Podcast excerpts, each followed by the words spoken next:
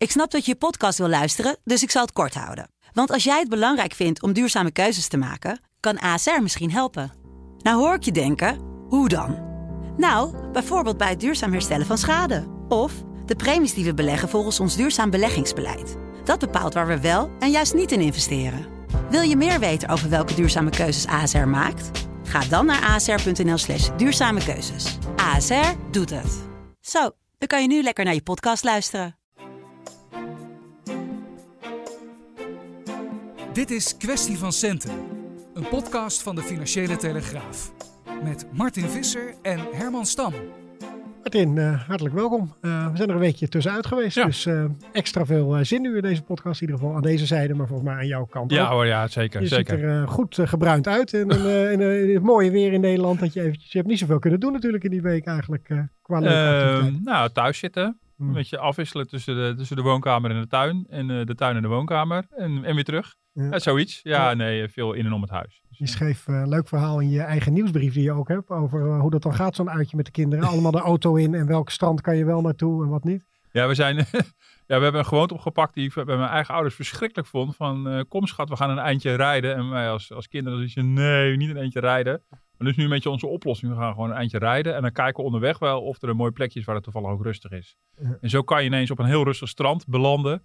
Eh, maar goed, van tevoren weet je dat niet helemaal zeker. Maar eh, nee, het is een beetje opletten dat je gewoon de, de drukte blijft vermijden. Maar toch, ja, je moet toch even, af en toe er even uit. Ja, en de kinderen ook eh, vooral. Die De maandag kinderen naar ook, school ja. gaan natuurlijk. Ja. Dus eh, eh, da- daar zijn we allemaal als Goed eh, nieuws voor, ouders, eh, eh, voor ons alle vier. Ja. Ik maakte gisteren de grap, ik breng ze zondag al, maar dat is... eh, nou mooi. Eh, we hebben een hoop te bespreken, want we hebben opeens een... eh, of nou, niet opeens, er was een persconferentie van premier Rutte, maar er zat wel eh, nieuws in wat we eerst nog niet verwachten. Nee. Plots zijn er eh, wat eh, hoopgevende maatregelen aangekondigd voor eh, de, de ondernemers, want er worden wat dingen versoepeld. Eh verrast je het ook zo dat opeens dit zo'n moment werd? Dat eerst was alles naar 20 mei natuurlijk werd gewezen en opeens kon het toch wat sneller dan gedacht. Ja, ik vond het dus wel opeens. Ik bedoel, Ja. even los van dat het van tevoren uitlekte. Dus de persconferentie zelf, toen wisten we bijna alles al. Ehm, maar de, de, de, de, de verschil in toon en in aanpak en de maatregelen tussen, tussen nu en twee weken eerder is echt enorm. Mhm. Eh, dat vind ik echt heel erg opvallend. En het gaat ook veel verder dan ik zelf had verwacht. Nou, we hebben het er eerder over gehad.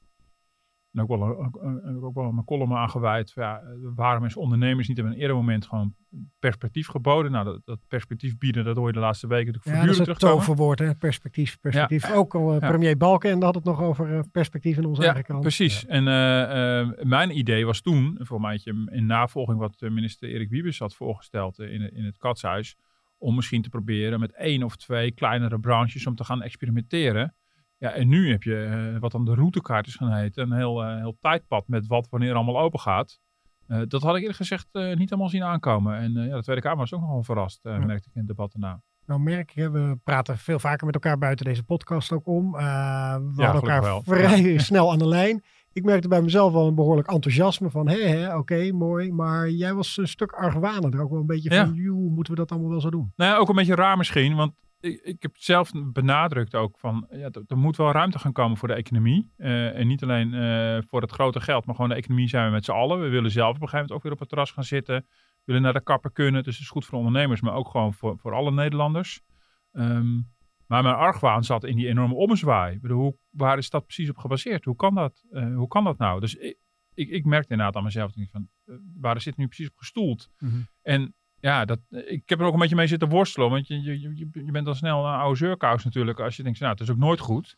Ehm, maar ik denk, ja, waarom wordt bijvoorbeeld in die persconferenties niet veel nadrukkelijker ook die, ja, die wending uitgelegd en benadrukt? Maar goed, je ziet natuurlijk dat, dat Rutte, Rutte als politicus natuurlijk belang bij heeft om uit te stralen alsof het allemaal super consistent is. En allemaal volstrekt logisch in lijn met de vorige keer. Terwijl het natuurlijk een enorm verschil is. Het is echt een groot verschil. En dat bleek dus ook gewoon een dag later dat ook uh, de, uh, Jaap van Dissel van de RIVM, die namens uh, het Outbreak Management Team een briefing gaf, ook aangaf, ja, we hebben hierover nog niet geadviseerd. Mm -hmm. dus dit is allemaal, en dat mag, hè, het zijn politieke keuzes, dus dat hebben we het ook vaker over gehad, dus aan de politiek.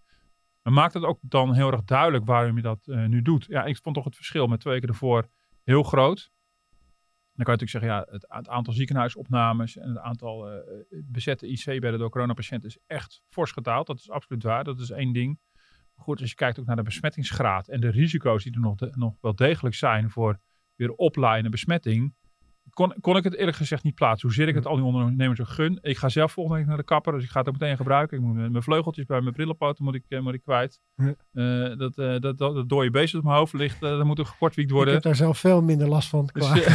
dus, eh, maar ja, ik vond het wel heel erg opmerkelijk. Mhm. Ja. Eh, je zei al, hè, uh, Zeurkous, zo wil ik zeker niet eh, Lodewijk Asscher eh, introduceren van de PvdA. Maar je zag wel in de debat in de Kamer natuurlijk ook een omslag. Twee weken daarvoor was het juist van kan er niet wat meer al vrijgegeven worden. En nu was er juist meer kritiek van hoe gaat het niet te snel. Nou, da- daarom vond ik het inderdaad goed dat als je dat deed. Ik bedoel, zeker, bedoel, je ziet ook politieke fracties ook allemaal alle kanten op. ik bedoel, dat is soms misschien ook een beetje opportunistisch. Maar hij deed wel een poging in een, in een debat met, met premier Rutte. We horen straks alleen maar Asscher. Eh, Rutte toe te dwingen van wat is nou precies je strategie? En, en Asscher zet even de extreme tegenover elkaar en probeert Rutte daarop te bevragen. door eh, twee extremen te schetsen. Iedereen eh, opsluiten tot Sint-Jutemus versus 23.000 mensen op de IC. Lijkt die middenpositie altijd de, de beste. Maar daarbinnen is wel degelijk een keuze. Wil je zoveel mogelijk indammen? Daadwerkelijk maximaal controleren. Dat betekent dat je zo min mogelijk zieken wilt.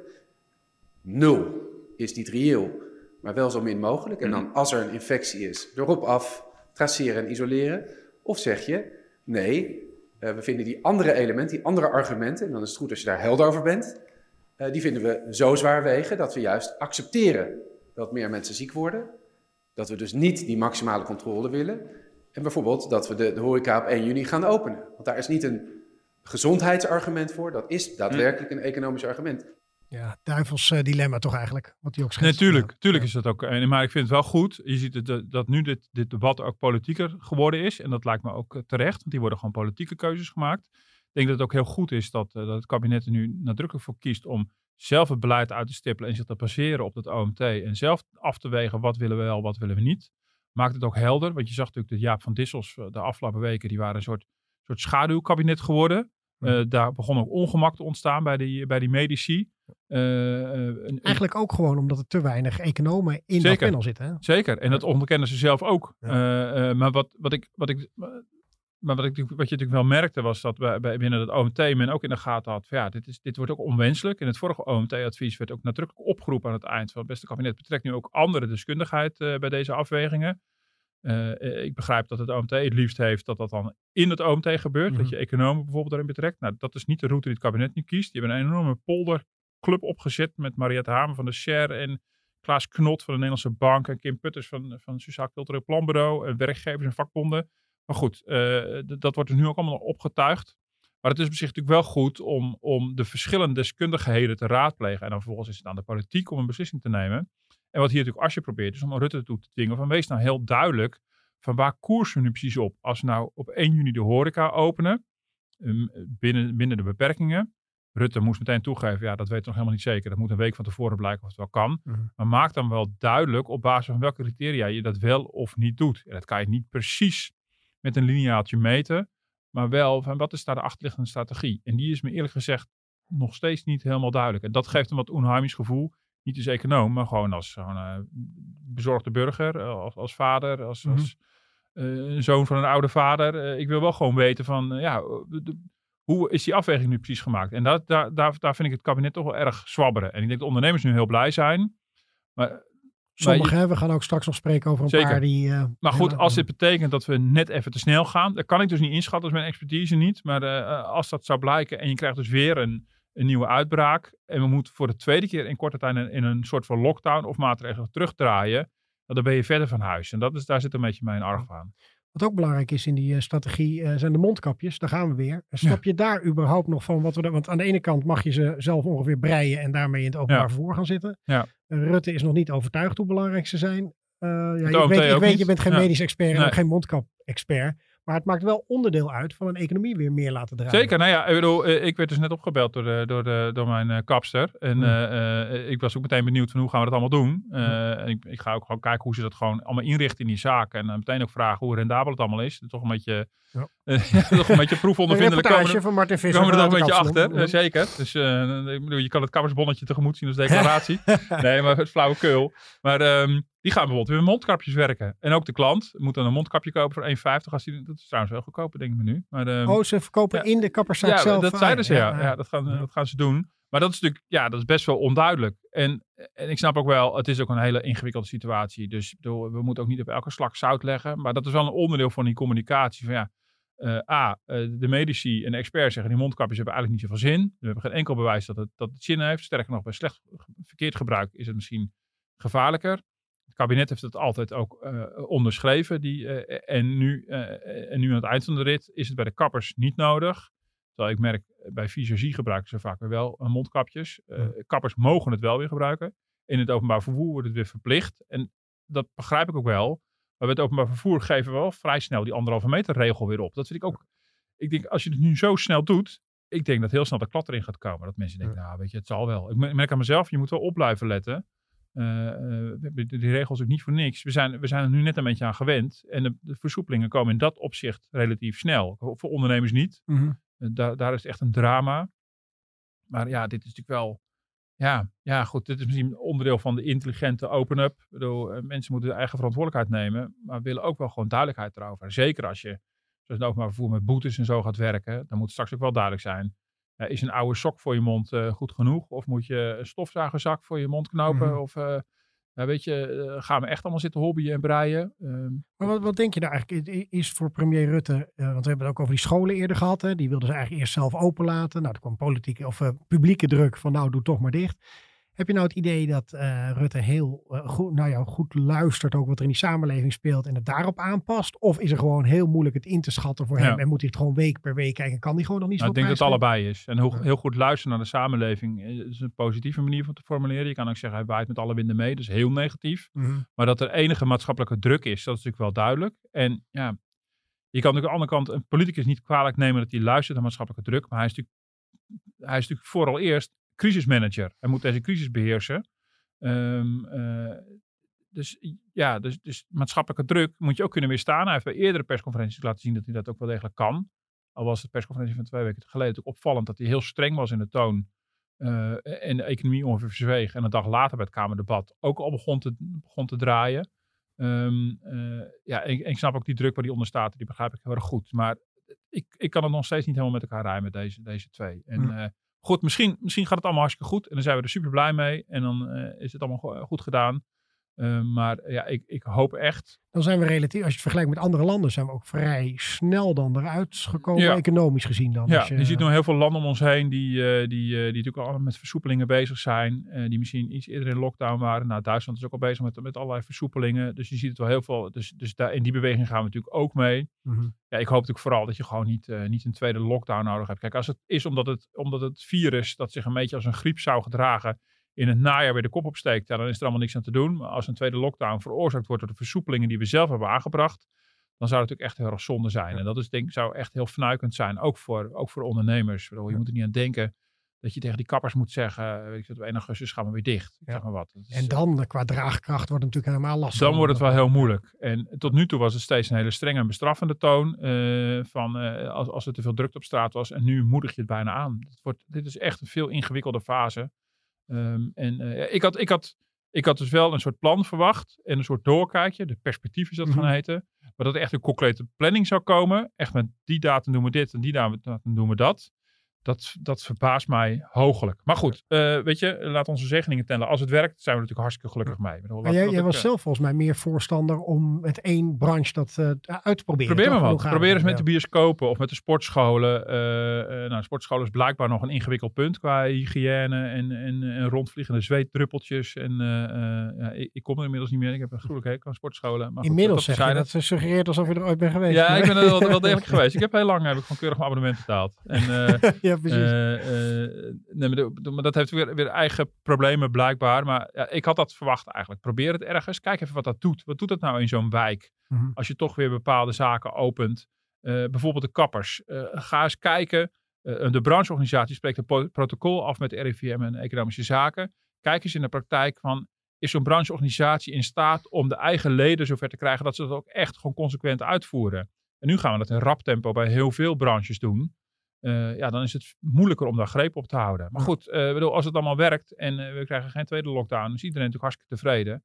Ehm, en, en laten we hopen dat dat het is. Want Ja. eh, we willen natuurlijk weer graag zoveel mogelijk, het, weer zo normaal mogelijk de boel oppakken. Ja, wat hoorde je vanuit eh, de werkgeversorganisaties waar je altijd eh, goed contact mee hebt? Nou ja, die waren natuurlijk blij, want die waren twee weken gele- geleden echt diep teleurgesteld. Dus die waren echt heel erg blij. En dan hangt het een beetje van de branche af. En dan zijn ik wel tegen, nou, bijvoorbeeld de sportscholen mogen pas 1 september weer Ja. open. Dat, dat gaf ook nog debat in de Tweede Kamer.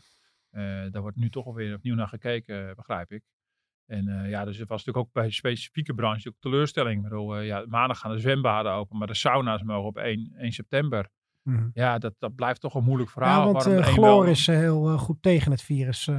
was Ja. de uitleg geloof ik in de Kamer. Ja, ja, en ik lees net ook op onze eigen website. Je moet je thuis omkleden. Ik dacht heel even dat je in je zwembroek naar, naar het zwembad toe moet. Maar dat hoeft dan weer niet. Je mag ook gewoon, je gewoon een kleding erover aan. Maar je mag bijvoorbeeld niet douchen daar. Want dat is dan weer niet hygiënisch om te Mhm. douchen met elkaar of iets dergelijks. Nou goed, het is ook allemaal een beetje zoeken. En dat begrijp ik ook wel weer. Maar dat chloor zou goed zijn. Maar eh, ik, goed, Nee. ik weet niet of dat zo is. ik heb geen idee. Nee, nee. Maar goed, bij een sauna, eh, gevoelsmatig, ik ben geen saunaganger, maar gevoelsmatig kan ik me voorstellen. Ik zag een reportage bij een vandaag ook met sauna's.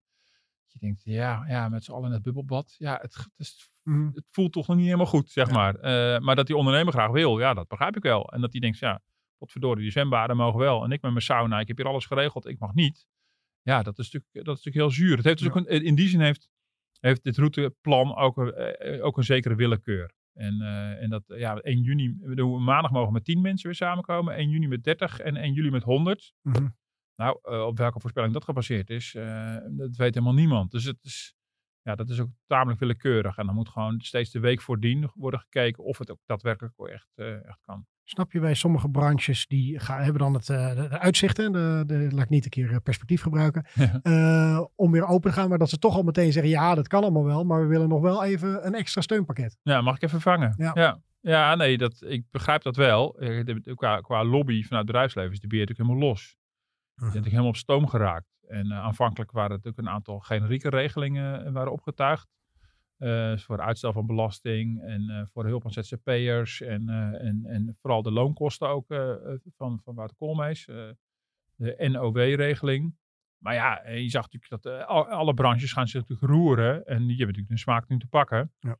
De sierteelt heeft een eigen regeling gekregen, de culturele sector heeft een eigen regeling gekregen. Ja, dat sterkt ook andere branches in, in, in, de, in, de, in de positie om ook om eigen regelingen te vragen. En ik begrijp het Wie, wie zijn vooral, eh, wie lopen nu een beetje de boot mis, om het zo te zeggen, qua Hmm. regeling? Nou ja, wie, eh, kijk, eh, de, de horeca die schreeuwt al moord en brand een hele poos. En dat begrijp ik ook wel, want die, bedoel, het hangt heel erg van jouw zaak af of je uit, uit de voeten kan met die anderhalve meter economie. Ehm, voor een hele grote zaak kan het wel. En dan nog heb je natuurlijk, je, je haalt niet je bezettingsgraad, waar je natuurlijk wel alle kosten op gebaseerd zijn. En je, je personele bezetting en dergelijke. Dus, eh, dus ik denk dat de horeca heeft echt een probleem met eh, rendabel te kunnen gaan draaien.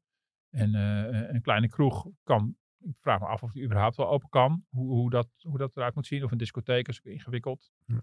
Ehm, evenementenbranche is natuurlijk evident. Ik bedoel, de echt hele grootschalige evenementen. Daarvan heeft Goede Jongen eens in zijn brief aan de Kamer geschreven. Ja, die kunnen pas weer als het vaccin er is. Wat Ja. denk ik wel realistisch is. Maar natuurlijk wel een mokerslag als je dat dan nu voor het eerst zwart op wit gewoon ziet. Eh, dus die zijn natuurlijk lam geschrokken. Dan heb je de, de, de, de, de Ziggo Domes en dergelijke. Ja. Echt de grote, de grote concertzalen. Ja.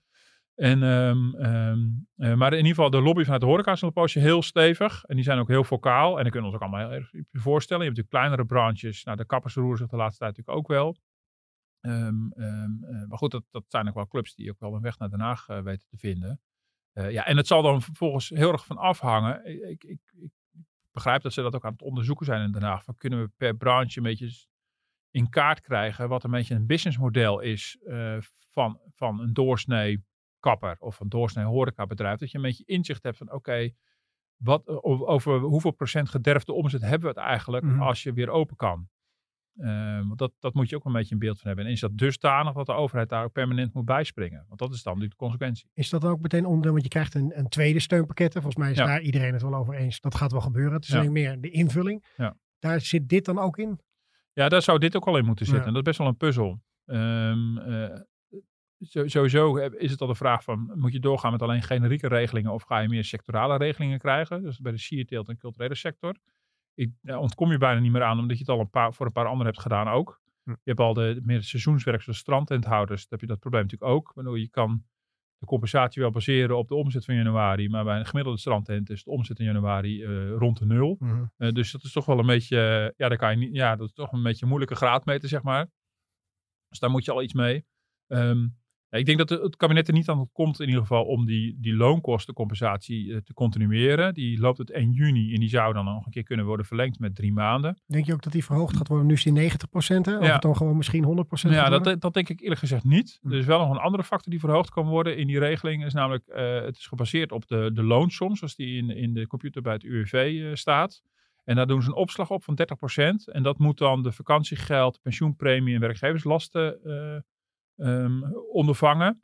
Ehm, en er zijn wel, onder andere de horeca, eh, heb, heb je ze weer, eh, die, al bepla- eh, die al heel lang roepen, ja, maar die 30% is voor ons onvoldoende. Je zou bijvoorbeeld zijn opslag kunnen verhogen naar 40%. Maar dat dekt het eigenlijk niet. Uiteindelijk krijg je gewoon geen 90%, maar krijg je een stuk minder Ja, dan die kijk, 90%. dat, dat, dat, dat, Ja. dat, dat stellen de horeca-ondernemers al een tijdje van. In, in de praktijk halen we nooit die 90% loonkostencompensatie, omdat de opslag voor werkgeverslasten te laag Mhm. is. Nou goed, dat is een kwestie van narekenen. Ik heb het zelf nog nooit nagerekend, maar dat, dat zullen ze bij sociale zaken ook na kunnen rekenen. Dus daar zou je nog iets in kunnen doen. Het lijkt mij onwaarschijnlijk dat het kabinet ertoe overgaat om 100% van de loonkosten doorbetalen. Eh je wilt toch ook iets van eigen risico, denk ik, bij ondernemers eh, eh, houden. Ehm, ik ben wel benieuwd of er daarna, wat echt een ingewikkelde puzzel is, is of sociale zaken, dan wel economische zaken, bereid is om op een manier ook tegemoet te komen in andere vaste kosten.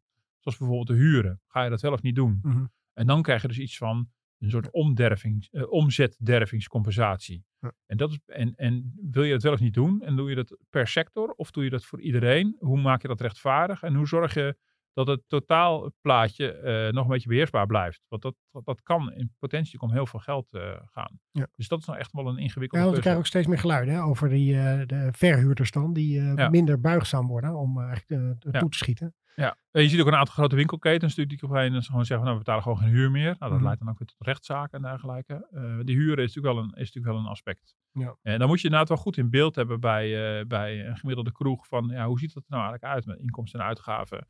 En wat is reëel, eh, bedoel, hoe reëel is dus eigenlijk de klacht dat je niet rendabel kan draaien binnen die anderhalve meter economie?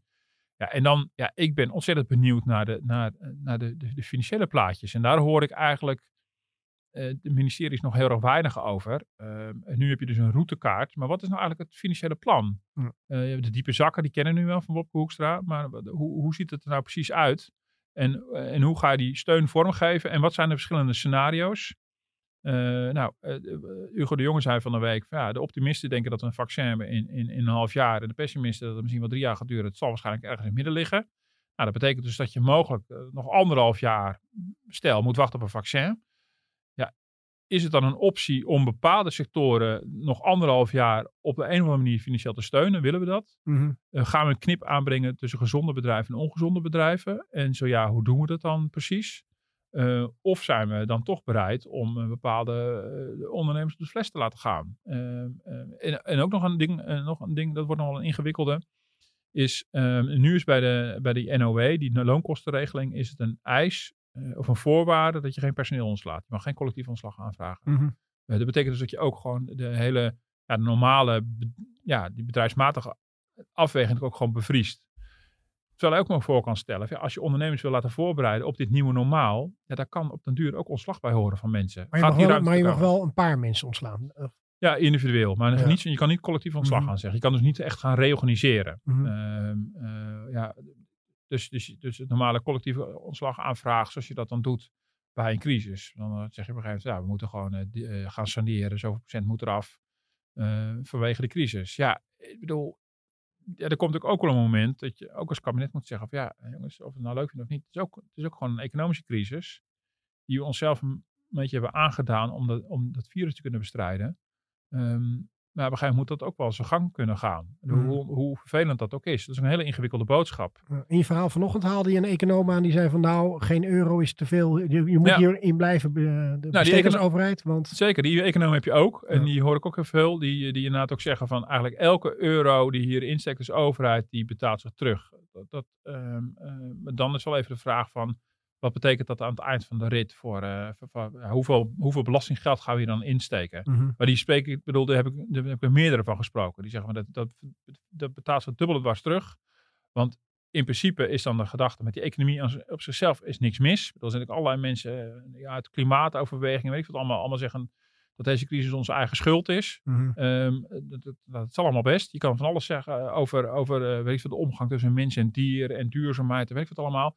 Maar de structuur van de economie, economisch gezien, is niks mis mee. En waarom zou je bedrijven massaal op de fles laten gaan of mensen massaal de werkloosheid injagen?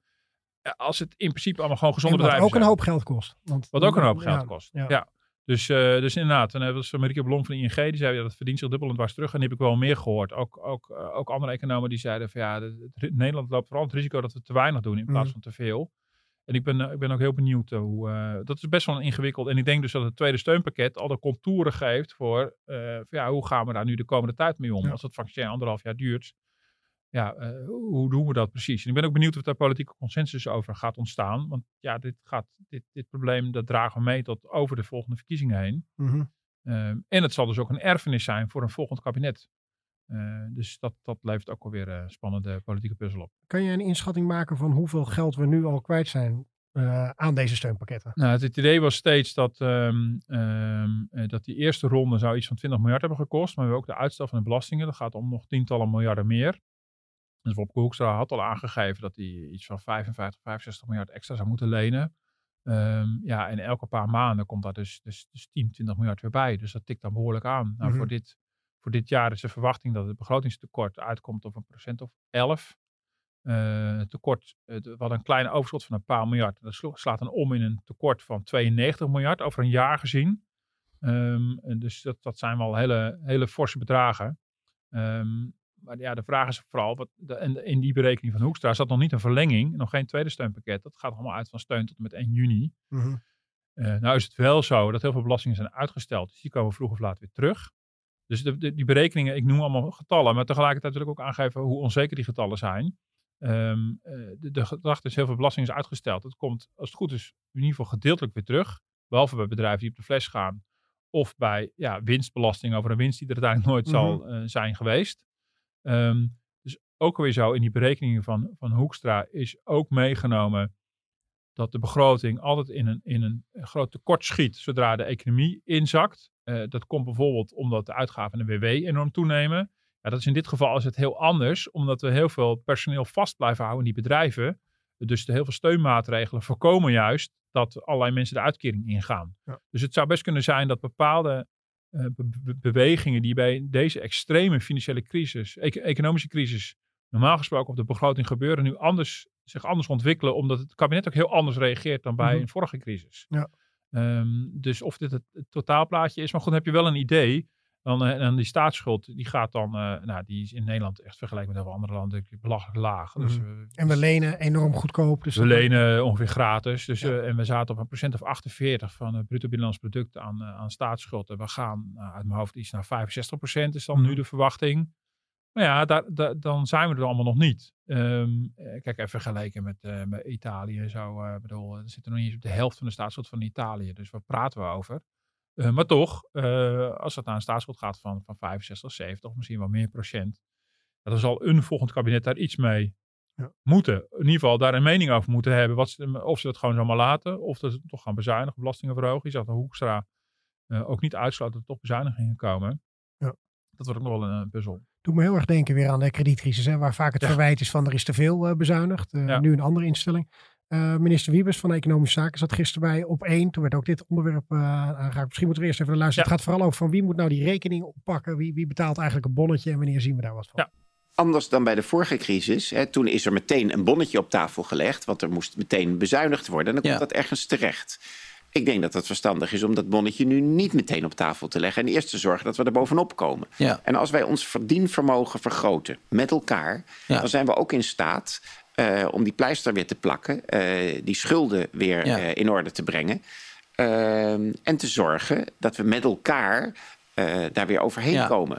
Ja, zo'n bonnetje op. Volgens mij is dat geen jargon van de minister Wiebes. Dat kwam meer van Sander Schimmelpenning. en hij de- nam dat de over. vraagstelling, ja. Ja. Eh, maar het is wel een eh, wezenlijke discussie natuurlijk. Hè? Ja. Hoe gaan we dit betalen? Wanneer gaan we het betalen? En wie gaat het betalen? Ja.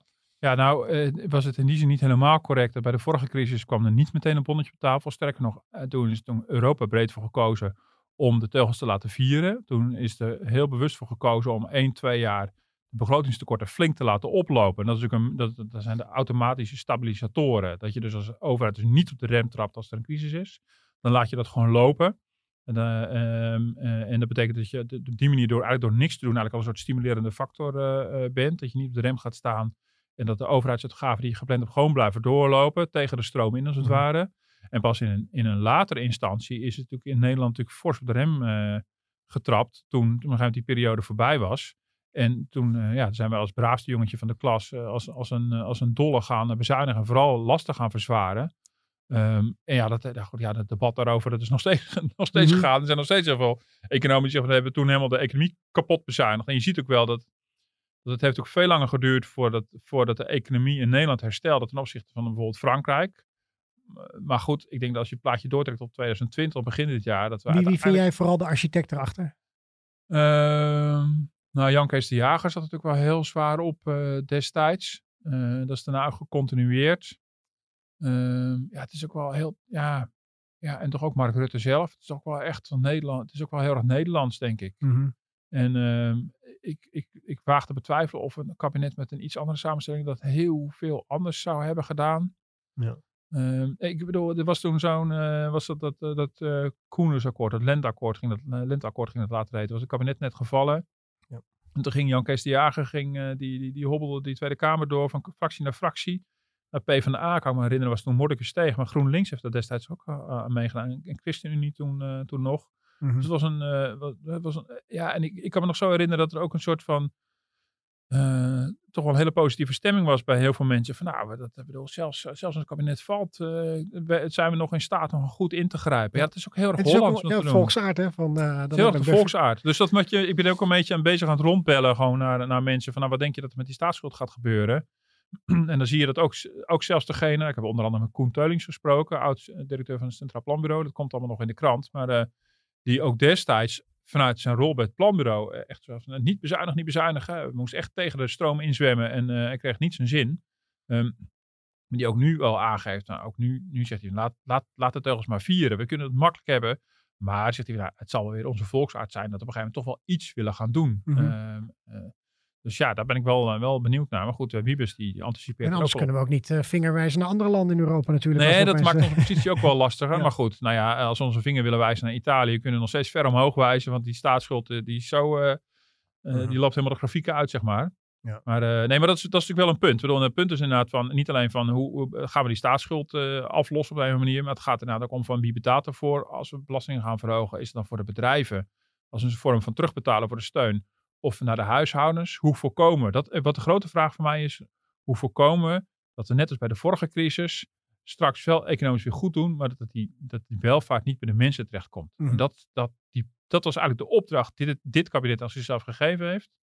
Daar was het nog helemaal niet klaar mee en nu komt dit er dus Ja. door. En het risico is dat een volgend kabinet daar weer in vastloopt met lonen die stagneren omdat het crisis Want is mensen geweest. voelen, die denken, hé, hey, een booking.com, om nog maar weer eens dat voorbeeld te Precies. gebruiken, is gered. En ik moet uiteindelijk meer belasting Ja. betalen over vier jaar. En dat is best wel een ingewikkelde puzzel. En het is heel spannend. Ik denk dat nou, politieke partijen die zijn natuurlijk nu zich aan het voorbereiden op het schrijven van de verkiezingsprogramma's in extreem onzekere tijden. Ehm, eh, en die krijgen dit nu op een bordje. Ja, hoe, ga je, hoe ga je straks met die erfenis om? Een erfenis waarvan we nu nog niet eens weten hoe groot die is. En ook niet wanneer deze crisis voorbij is. Maar daar zou je toch een, een, een, een soort spoorboekje op moeten maken. Of, of, of een begin van een antwoord op moeten geven. Want ja, op een gegeven moment eh, na de verkiezingen in maart moet er ook onderhandeld worden over een nieuw kabinet. En dan moet je weten wat je daarmee wil. Dat gaat dus verder dan alleen maar gaan we wel of niet bezuinigen. Het gaat ook over van, van hoe, hoe, zorg je dat de economie weer gaat draaien? Hoe zorg je dat, eh, eh, ja, dat mensen toch weer snel in hun portemonnee gaat voelen als het, als het weer goed gaat? Hoe, hoe ga je om met de kwetsbare positie van, van flexwerkers op de arbeidsmarkt? Dat heb ik nu dubbel en dwars gezien wat, eh, wat, wat, Ja. wat voor impact dat heeft. Eh, dus het is een heel vrij breed, vrij eh, breed debat. Ja, het is opvallend, hè? want ik, eh, nou, ik weet niet precies meer wanneer dat was, maar eh, we hadden hier in de, eh, de primeur in de podcast over dat fonds van 50 miljard. Dat Ja. vertelde Hans de Boer toen, maar we werden een beetje achterhaald door het nieuws, of ingehaald door het nieuws. Ja. Want toen werd het door het kabinet al, was het al uitgelekt eigenlijk. En voordat de podcast online stond. Voor, ja, precies. Maar dat ging over een bedrag 50 miljard, als ik het goed heb, toch? ja. Wat we er allemaal mee konden doen. En nu, Ja. kunnen we dat allemaal nog eigenlijk wel? Ja, nou ja, dat is, wel een goede, dat is natuurlijk wel een goede vraag wat je daarmee doet. En er wordt ook wel over gesproken van misschien moet je juist gaan investeren om die economie weer aan te zwengelen. Eh, dat snap ik ook wel. Ik bedoel, dat die lobby's ook al gaan, ook weer vanuit Hans de Boer onder andere. En uh, ik kan me ook voorstellen dat, uh, dat, dat Hoekstra en Wiebes, die van het fonds zijn, daar ook een beetje mee worstelen. Want ja, hoeveel beslag gaat het op de staatsschuld leggen? Ik bedoel, dat zijn precies de diepe zakken die we dus nu al aan het uitgeven zijn. Mm -hmm. um, um, en waar ik ook wel een beetje mee zit, is van, je, je kan allerlei bouwprojecten naar voren trekken. En misschien is het wel goed hoor, om de economie aan te zwengelen. Maar ja, je stimuleert misschien niet precies die mensen en sectoren die nu het meest geleden hebben. Dus dat is ook nog wel een, uh, mm-hmm. ook nog wel een, uh, een puzzel. Uh, ja. Want de bouw, nou goed, die, heeft, die, die, krijgt ook wel klappen. Maar weer op een heel andere manier dan de horeca of dan de kappers. Ja. Dus dat is ook een ingewikkeld. En je hebt natuurlijk allerlei, wat ook nog, wat we helemaal niet genoemd hebben, allerlei sectoren die vooral met internationale handel te maken hebben. Die een beetje onder de radar blijven. Want die, nou, weet ik wat, in de metaal- en technologische industrie. Uh, ja, die, die, die mogen gewoon allemaal open zijn. Die hebben niet met die, in die zin niet met die lockdown en die open-up te maken. Maar die merken wel natuurlijk dat er crisis is in de hele wereld. En dat, dat, dat de hele handelsrelaties natuurlijk totaal beschadigd zijn. Dus de schade zit op heel veel plekken van heel uiteenlopende grootte. En of je dat glad trekt met een, met een extra brug of een extra weg, dat waag ik een beetje te Minister Wiebes wil altijd vooral ook in scholingen dat ja. uh, gestopt wordt, dat we daarmee uh, voorop Ja, dat is wel interessant ja. hè, dat, hij dat, uh, dat hij dat probeert. Hij, hij probeert echt, dan zit hij een beetje op het terrein van zijn collega na te denken, wat voor mij ook af en toe een beetje strubbelingen oplevert, intern. Maar goed, dat zoeken ze daar maar uit. maar dat, dat kan wel, dat kan zeker. Er, zijn natuurlijk al, al, er ligt tal van plannen en, en rapporten om mensen veel meer financiële armslag te geven voor scholingsbudgetten, leerrecht en dergelijke. En je zou kunnen denken, van, ja, wat heb je er nu aan? Maar ja, misschien juist als je verwacht dat er een grote shake-out op de arbeidsmarkt plaatsvindt, dat mensen werkloos raken, is het misschien helemaal geen, geen gek idee om mensen meer, ja, meer mogelijkheden te geven om zich bij te scholen, om zich klaar te maken voor andere functies. Uh, dat vind ik helemaal geen gek. Dat, dat is echt nou, een publieke en om, investering. creativiteit aan te jagen. Zeker, en dat is een publieke investering die natuurlijk goed komt, komt aan heel veel mensen en niet aan één specifieke bedrijfstak. Mm -hmm. Ja. Ik uh, dank je hartelijk. We gaan uh, volgende week weer uh, er net zo fris tegenaan. na deze adempauze ja. van ons. Ehm, u kunt ons beluisteren ook op Spotify en op iTunes. En ook mailen op podcast.tft.nl. Moet wel goed zeggen. tot volgende week. Tot volgende week.